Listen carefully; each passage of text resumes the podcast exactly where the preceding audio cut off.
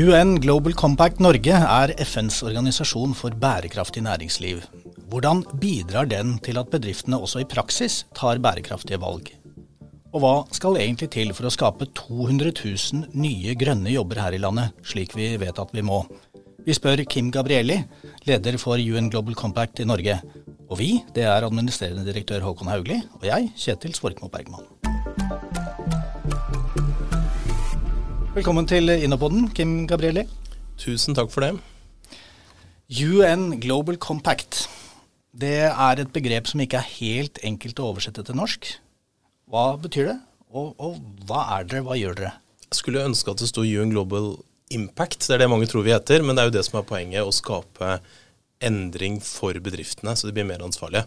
Med UN Global Compact betyr egentlig FNs globale avtale for, for, bedrifter. Så vi har jo da 15 000 bedriftsmedlemmer globalt, og nå 350 medlemmer som er norske, der, som har hovedkontor i Norge. Så det er på en måte der vi starter. Og så er det jo da å jobbe med bedriftene både på, på kursing eh, og innovasjonsprosesser primært, på hvordan bli mer bærekraftig og skape nye typer arbeidsplasser og sette tydelige bærekrafts- og klimamål. Stiller dere krav til bedriftene for at de skal være medlem hos dere? Jeg stiller både krav til dere, som jo også er medlem hos oss, Innovasjon Norge, og til bedriftene. Eh, og det handler om at man må tilslutte seg de FNs ti prinsipper for ansvarlig næringsliv, som man da må årlig rapportere på, at man etterlever dem. Men så er vi et frivillig initiativ, så vi godkjenner jo ikke eller setter liksom godkjent stempel på noen. For det er jo noe bedriftene selv må jobbe etter det, de målene de har satt seg. Og samme for Innovasjon Norge også, i deres arbeid. Så, så det er utgangspunktet vårt, at vi legger til rette for at man skal bli bedre på bærekraft, men vi godkjenner ingen, for det kan jo ikke FN gjøre. Si at noen bedrifter er bedre enn andre. Håkon, eh, vi skylder jo å gjøre oppmerksom på at du og Kim er eh, kjente privat. Ja, det er riktig. Eh, og Innovasjon Norge er medlem av eh, UN Global Compact. Ja, og det var nettopp spørsmålet mitt. Hva, hva, hva, er egentlig Innovasjon Norges forhold til UN Global Compact? Ja, Gjennom medlemskapet så får vi jo tilgang både på relevant kunnskap og nettverk, og jeg vil si også en eh, påminnelse om viktigheten av bærekraftsarbeidet. Både det vi gjør internt i vår egen virksomhet, men det er også det vi gjør mot våre kunder, da, som jo er næringsliv eller bedrifter i absolutt hele landet, og av alle størrelser og i absolutt alle næringer. Så, sånn sett er UN Global Compact både en partner for oss og en kilde til inspirasjon og, og kunnskap. Kim, eh, du nevnte litt om hvordan dere jobber med bedriftene. Men, men, hvordan påvirkes og forandrer det seg når det skjer sånne ting som vi ser i, i verden nå, med stigende råvarer og energipriser, og ikke minst med den vanskelige situasjonen i Ukraina? Jeg tror det aller viktigste så Vi tenker at tre, kanskje 350 medlemmer som vi har, det høres litt lite ut da, av de mange, altså mange tusen virksomhetene det er i Norge. Eh, men det er jo blant de aller største. Vi har 50 av de 100 største bedriftene i Norge som medlemmer. Eh, og hvis vi ser på La oss ta Hydro. De har 25 000 underleverandører. Eh, Aker har 13 000. Så hvis de stiller krav i sin verdikjede, da, eller til sine underleverandører, så klart at det har en mye større effekt enn hva den enkelte bedrift vil gjøre her hjemme. Så det er jo det som gjelder i en type situasjon som vi er i nå. Eh, men det gjelder selvfølgelig i alle typer krisesituasjoner, om det er eh, om det er konflikt, klima eller korona, så er det sånn at det også jobbe med å bli, ha kontroll på verdikjeden sin og jobbe med sin, liksom at man behandler de ansatte godt, at man sørger for at det ikke er ulykker, at man sørger for at klimautslippene går ned, så er det klart at det har en større effekt utover bedriften sjøl. Dette er jo det vi ser, og det kan vi sikkert snakke litt mer om, men vi ser jo en veldig klart trend på at, eh, at eh, investorer, myndigheter og bedriftene selv er enda mer opptatt av eh, akkurat det. da, av Hvordan ta kontroll på å gjøre hele, liksom hele bedriftens nedslagsfelt mer positivt, et positivt fotavtrykk på en annen måte enn før. Det er et veldig interessant spørsmål, dette med krigen og, og bærekraft. Også det som ble veldig klart uh, bare et par uker inn i, i krigen, var jo at um, to av våre store systemer ikke lenger ville være uforandret. Det ene er det vi kan kalle energisystemet i Europa, hvor avhengigheten av russisk gass har vært stor, og hvor EU umiddelbart iverksetter veldig omfattende og offensive planer for å gjøre noe med energisystemene. Og det handler også om bærekraft. Det gir muligheter for for å utvikle um, raskere enn planlagt mange nye fornybare energikilder, og vite at de vil skaleres raskt. og Det har vært en utfordring. Så er det jo uh, viktig her, da, og det er jo ingen som har ønsket seg krigen, og, og det er jo skrekkelig bakteppe, uh, men det er også det, da. Og det andre store systemet, det er det uh, vi kan kalle matsystemene. Altså når hele kornproduksjonen da, i Ukraina og Russland. At man har rett og slett vedtatt at man ikke skal eksportere korn lenger. Og, øh, og, den, og, de langsiktige virkningene av dette vil påvirke verdens matsystemer grunnleggende. Og Norge, da, som med vårt, både som mateksportør og med teknologiløsninger både for akvakultur og agritech, har, har eh, potensialet her til å bidra med løsninger som verden trenger nå enda mer enn tidligere. Og Det handler også om bærekraft. Og så kan vi jo reflektere rundt, og ingen av oss vet jo med sikkerhet hva de langsiktige virkningene blir da, av at Europa er i krig, men, um, men, det aktualiserer og vil jeg si akselererer også det grønne skiftet. Jeg, jeg tror her du, altså Det her er jo kjernen i utfordringen vi står overfor framover. Og det er Vi har lenge vist, visst om sant, klimakrisen, og så har vi fått to andre eh, kriser liksom, i fanget de siste to årene. Men det vi jo ikke klarer, til tross for vi vet at vi har noen enorme utfordringer foran oss. Vi klarer likevel ikke å omstille oss eh, raskt nok til eh, klima. Hva tenker du er grunnen til det? Hva, det som, hva mangler vi? Ja, Det er jo et interessant spørsmål. Eh, og Hvis vi bare ser kort på tallene, da, hvis vi tar klima nå, ikke liksom Ukraina sånn umiddelbart, men hvis vi tar den langs, enda mer langsiktige krisen, så er det sånn at det er kun fem eh, av de 100 største selskapene i Norge som har klart å klippe kutte klimautslippene i tråd med Parisavtalen fra 2018 til 2020. Så det er de med de klokeste hodene, de største ressursene og, om størst uh, bærekraftsgrupper ikke sant, internt. Og hva er grunnen til det? Eh, og vi ser jo at her er det både, som du er inne på, en, en utfordring med systemendring. Vi må endre systemene. Og samtidig eh, internt endre praksisen. Så det virker jo som at det er så vanskelig og så enkelt som at dette handler om Eh, reguleringer. For lite reguleringer. Nå kommer det jo masse reguleringer. Eh, EU ligger foran oss. Det, kommer, det ikke har kommet tidsnok. At finansaktørene ikke tidsnok har stilt sterke nok krav. Og ikke minst det som jeg var inne på i stad, at man ikke har stilt, man har stilt krav liksom, til utslipp i egen eh, bedrift, men ikke til alle, underleverandørene. Og alle de tre tingene kommer nå samtidig. Samtidig som vi får en eh, krise, ikke sant? og en, en matkrise, helt klart. Eh, og hvor norske bedrifter er direkte berørt, sånn som, sånn som Yara sitt kontor f.eks., som jo ble truffet av en missil mm. i Kiev. ikke sant? Så her liksom, Det viser jo sammenhengen globalt, at det her er det, er det liksom, Det henger veldig tett sammen. Og det, og det kommer nå jeg tror ikke man skal undervurdere hvor krevende dette blir for bedriftene når alt dette kommer samtidig. Eh, de tre krisene vi har pågående, eh, tilpasningen allerede til klimaendringene også, og da alle kravene som kommer. Så det her er jo det som er vår oppgave. da, Prøve å rydde opp i den bærekraftsjungelen. Hva må du på en måte gjøre nå? Må, hvor må du fokusere? Eh, og sammen med aktører som Innovasjon Norge sørge for at finansen og, og tilretteleggingen for selskapene går, altså går, i den retningen da, mot en mer bærekraftig og eh, enda mer energijobber må vi jo kunne forvente i Norge. Vi mister vi rundt 2000, nei, 200 000 eh, fram mot eh, fram mot 2050. Så det betyr jo at her er det på en måte eh, enormt mye å ta tak i. ikke sant? Hvordan får vi eh, norske selskaper over i nye energisektorer? Og nå er det, det er jo ikke noe problem med etterspørselen, for å si det sånn. Det har jo EU sitt nye forslag mm. vist. ikke sant? At her vil de gjøre seg som mest mulig uavhengig av av Russland av sikkerhetsgrunner, men selvfølgelig også fordi at det er viktig for klimaet på sikt. Så så det, sånn, det blir jo spennende å se da, hvilken retning det går. Om det blir mer fossilt eller mindre i de første årene etter den krisa vi står inne i nå.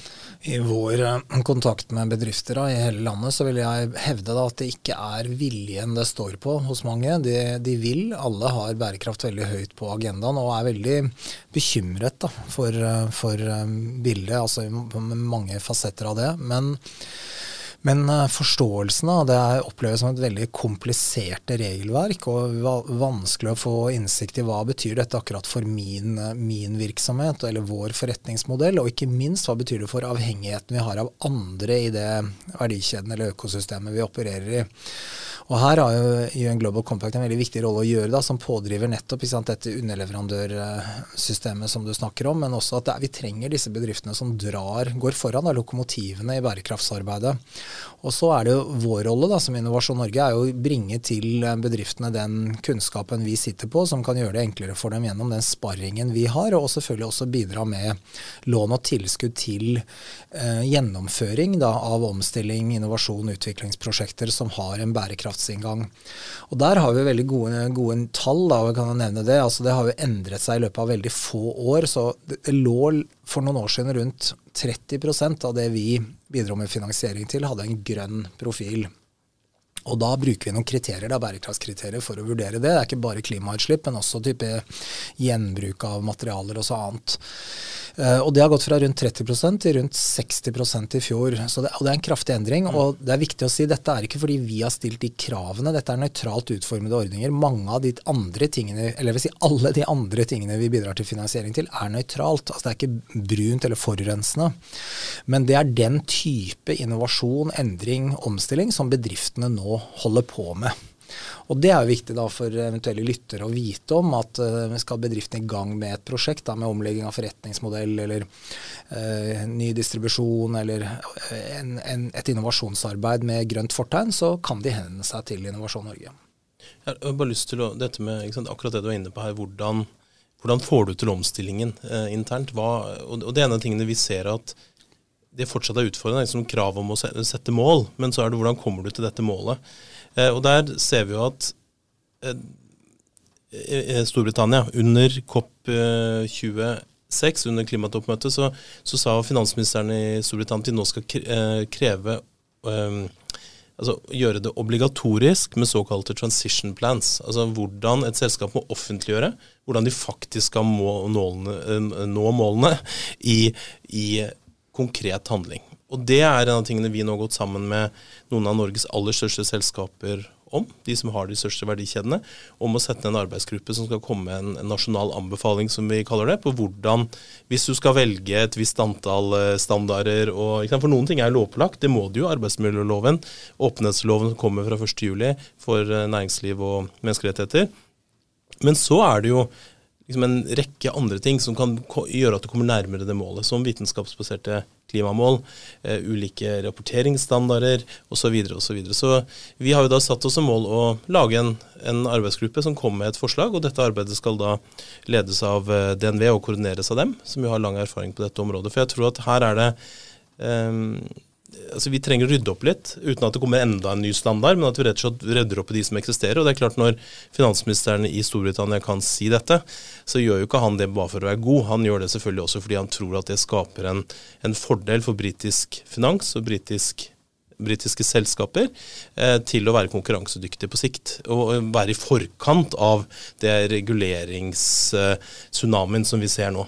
Den skyller innover oss fra EU, men den kommer fra norske, eh, norske politikere også. Åpenhetsloven er, ligger i forkant av den internasjonale utviklingen, og en blant Norge, verdens strengeste lover på menneskerettigheter og den såkalte aktsomhetsvurdering i verdikjeden. Så, så, her er det på en måte bare, og de som lytter nå, det er bare å sette, liksom, spenne seg fast, for det her blir en, en veldig spennende og viktig eh, reise som gjør at Norge også vil bli mer konkurransedyktig på sikt. Men det vil være en tøff overgang for å få det til å til å funke. Og så er viktig her også med disse 200 000 nye grønne jobbene da, som vi skal skape. så er det jo Én ting er jo etablert næringsliv og den eh, endringen de skal gjennom. Men det som også er veldig veldig viktig, er jo det nye fremvoksende næringslivet. altså Gründerbedrifter og bedrifter som, eh, som, eh, vokser og skaper arbeidsplasser. og Vi vet jo at den nett netto eh, sysselsettingsveksten vi har hatt de siste årene, ikke har kommet til de største eller det etablerte næringslivet, men i det nye næringslivet.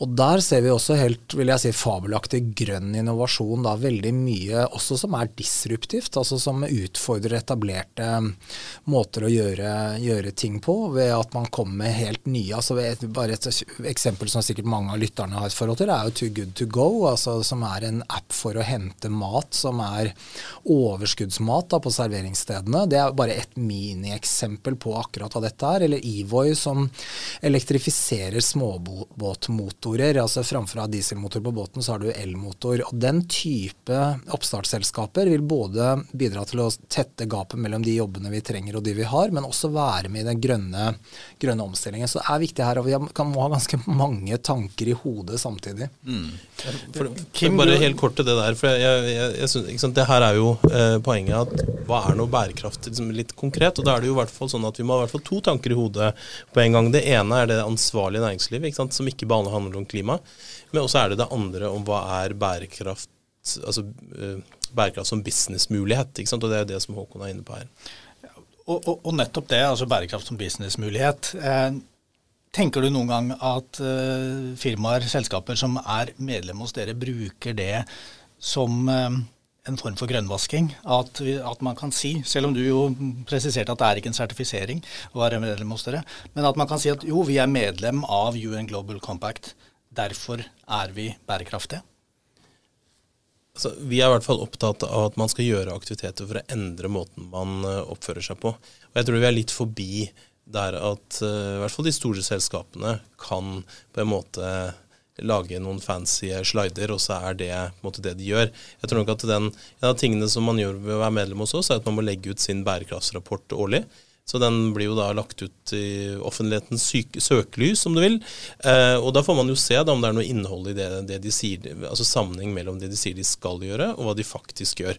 Og Det er jo det som er viktig. Og så er det jo helt sikkert sånn, som i alle andre, på alle andre områder, at det er noen som ikke, eh, som ikke følger eh, spilleboka helt. Eh, sånn er det jo alltid. Det er alltid mulig å si at du, gjør noe som du ikke gjør. Men, men, det ser i hvert fall vi mye mindre av nå enn før. At man skjønner at bærekraft er noe som ikke er i kommunikasjonsavdeling eller i bærekraftsteamet. Det er noe som må gjennomsyre hele eh, organisasjonen eller hele bedriften. da.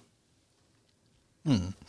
Eh, og så nevnte du åpenhetsloven. Den, eh, den trer i kraft 1.7 og skal sikre sikre at allmennheten kan få mye mer innsikt i hvordan bedriftene driver. Eh, og Det høres ut som om dere jobber med dette. Hvordan kan norske bedrifter forberede seg på åpenhetsloven? Altså, som jeg sa da, så er det jo på en måte disse to områdene som går, det ene går mer på innovasjon, og det andre går på ansvarlighet i som bærekraft begge de to tingene. Eh, og Vi holder på å jobbe med et, eh, et innovasjons- og kompetanseprogram som blir lansert i løpet av høsten vår neste år, som heter Transition 2030. Hvor det går nettopp på dette. Hvordan kan man jobbe med noen av disse tingene. Vi er allerede i gang med en pilot, og der kommer det et kurs på, sammen med Etisk handel Norge på hvordan gjennomføre en aktsomhetsvurdering. Da. Sånn at det er eh, det blir jo naturlig. Og det er mange andre aktører som også tilbyr det nå. OECD sitt kontaktpunkt vil også, vil også for, eh, altså for eh, menneskerettigheter og næringsliv vil også ha kurs på dette. Så det kommer en god del kurs og muligheter til å sette seg inn i det. Eh, og så vil nok Forbrukertilsynet som skal følge opp, være litt hva skal vi si, det vil være en sånn læreperiode. Men det er jo sanksjoner tilknytta dette som bøter. Så det vil på sikt også bli noe man må gjennomføre. Det er et lovkrav om å da informasjonsplikt, som det er inne på, liksom kunne informere om produktene f.eks., men også gjennomføre såkalte aktsomhetsvurderinger, som er en slags risikogjennomgang da, av utfordringene du står overfor. Eh, og De skal man både gjøre årlig, og man skal redegjøre for at man har gjort dem. Så, så det, nok, det høres veldig komplisert ut. Det må ikke være det. Eh, men det finnes i hvert fall nå eh, nok liksom, kurs og sånn etter hvert. da. I løpet av dette året så kommer det flere som tilbyr det. Og selvfølgelig også ulike konsulentaktører som vil tilby det til bedriftene. da. Vi pleier gjerne å spørre gjestene våre her eh, hvem det er de blir inspirert av. Og, og, hvem er det? Hvem er det som inspirerer deg? Ja, Det der er jo alltid et sånt spørsmål. Jeg, jeg satt og tenkte litt på før jeg kom. Men jeg, jeg må jo si at jeg tenkte eh, tilbake igjen da, til Trygve Lie, liksom. Eh, norske generalsekretæren i FN. Det høres jo litt rart ut. Det er jo veldig lenge siden. Første generalsekretæren i, i FN. Og det er jo han uh, turte måtte gå inn noe helt nytt. Det var jo uh, da FN starta. Det var helt nytt. Uh, så vi gjorde det samme i Norge ved å starte kontoret i 2019. Og da var det også sånn hvem skal, hvem skal man ta kontakt med da, når vi åpner et FN-kontor i Norge for første gang siden 2002? Og da, da ringte jeg faktisk til Paul Polman, som noen vil kjenne som tidligere sjef i Unilever, som er en av de på det tidspunktet når han, Unilever er en av verdens største selskaper, han, inn, han fjerna kvartalsrapporter i Unilever. Eh, og sa at nei, det skal vi ikke ha. Eh, vi eh, må gjøre dette på en annen måte. Vi må ha mer langsiktighet, og vi må ha klima og bærekraft som det, og da, eller samfunnsansvar, som det den gangen, gang, inn i. Så han har vært en veldig spennende person å, å følge med, si. Så tror jeg også at det er forskjell på det å la seg inspirere og det å ha forbilder. Jeg er ikke alltid sikker på at det er så lurt å ha så mange forbilder, men la seg inspirere av enkel, enkeltpersoner, det tror jeg er lurt. For man må på en måte finne sin egen, egen vei, da. Så men jeg må si at også de jeg jobber sammen, eh, har jo veldig mange unge folk fra hele verden. Russland, India, eh, Kina, USA osv. Eh, de inspirerer meg kanskje oftere enn eh, 65-årige CEO-er som av og til også inspirerer meg. Så. Jeg nesten spørre deg, Håkon. Hvem inspirerer Oi, deg altså, Jeg er ikke forberedt på dette spørsmålet. Men jeg tror første gang Trygve Lie har vært i Innopoden. men det, er veldig, det er jo, var jo et helt fabelaktig arbeid som ble gjort av etableringen av FN. og Nå, nå blir jo også FN satt litt på prøve da, med, med alt det som skjer i, skjer i verden nå. Jeg, eh, jeg, hvis jeg skal føye til liksom på den listen, så tenker jeg at de som bidro til å skape uh, fred da, i Europa, varig fred etter annen verdenskrig, og det var en hel generasjon med krigs, eh,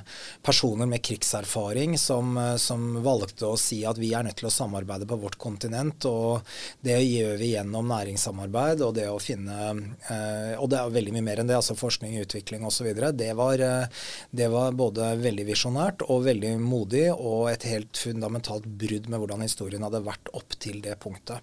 Så disse, disse både FN og, og mekanismene vi har i Europa, da, som vi delvis er med i, det er jo et, eh, et uttrykk for, en, for den gjensidige avhengigheten vi har. Og den er jo veldig aktualisert nå, og nå syns jeg vi trenger det mer enn noen gang. Kan jeg få lov å legge til eh, en kort inspirasjon der? Jeg var og besøkte Berlevåg kommune eh, før jul.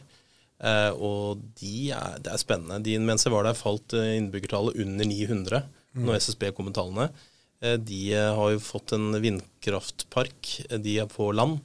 De har ammoniakk- og hydrogenplaner. Og utrolig inspirerende hvordan de jobber i motvind og oppoverbakke. Men virkelig ser at nye energiområder også er bedre distriktspolitikk, kanskje, enn olje og gass. Kanskje.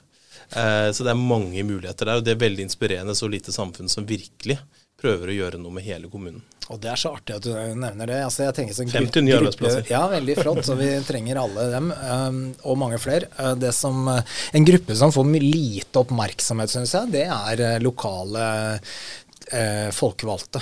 Altså det å være ordfører, da, type i Berlevåg eller en annen liten kommune. Du er veldig tett på innbyggerne. Gjør du noe, så blir du møtt med det på, på Samvirkelaget eller Rema 1000. Du blir eh, stilt til veggs. Du, du skal stå til ansvar, og du skal drive samfunnet framover og ta hensyn til en hel masse ulike hensyn til enhver tid. De fortjener virkelig en, eh, en eh, virtuell blomst, de som tar påtar seg den type verv.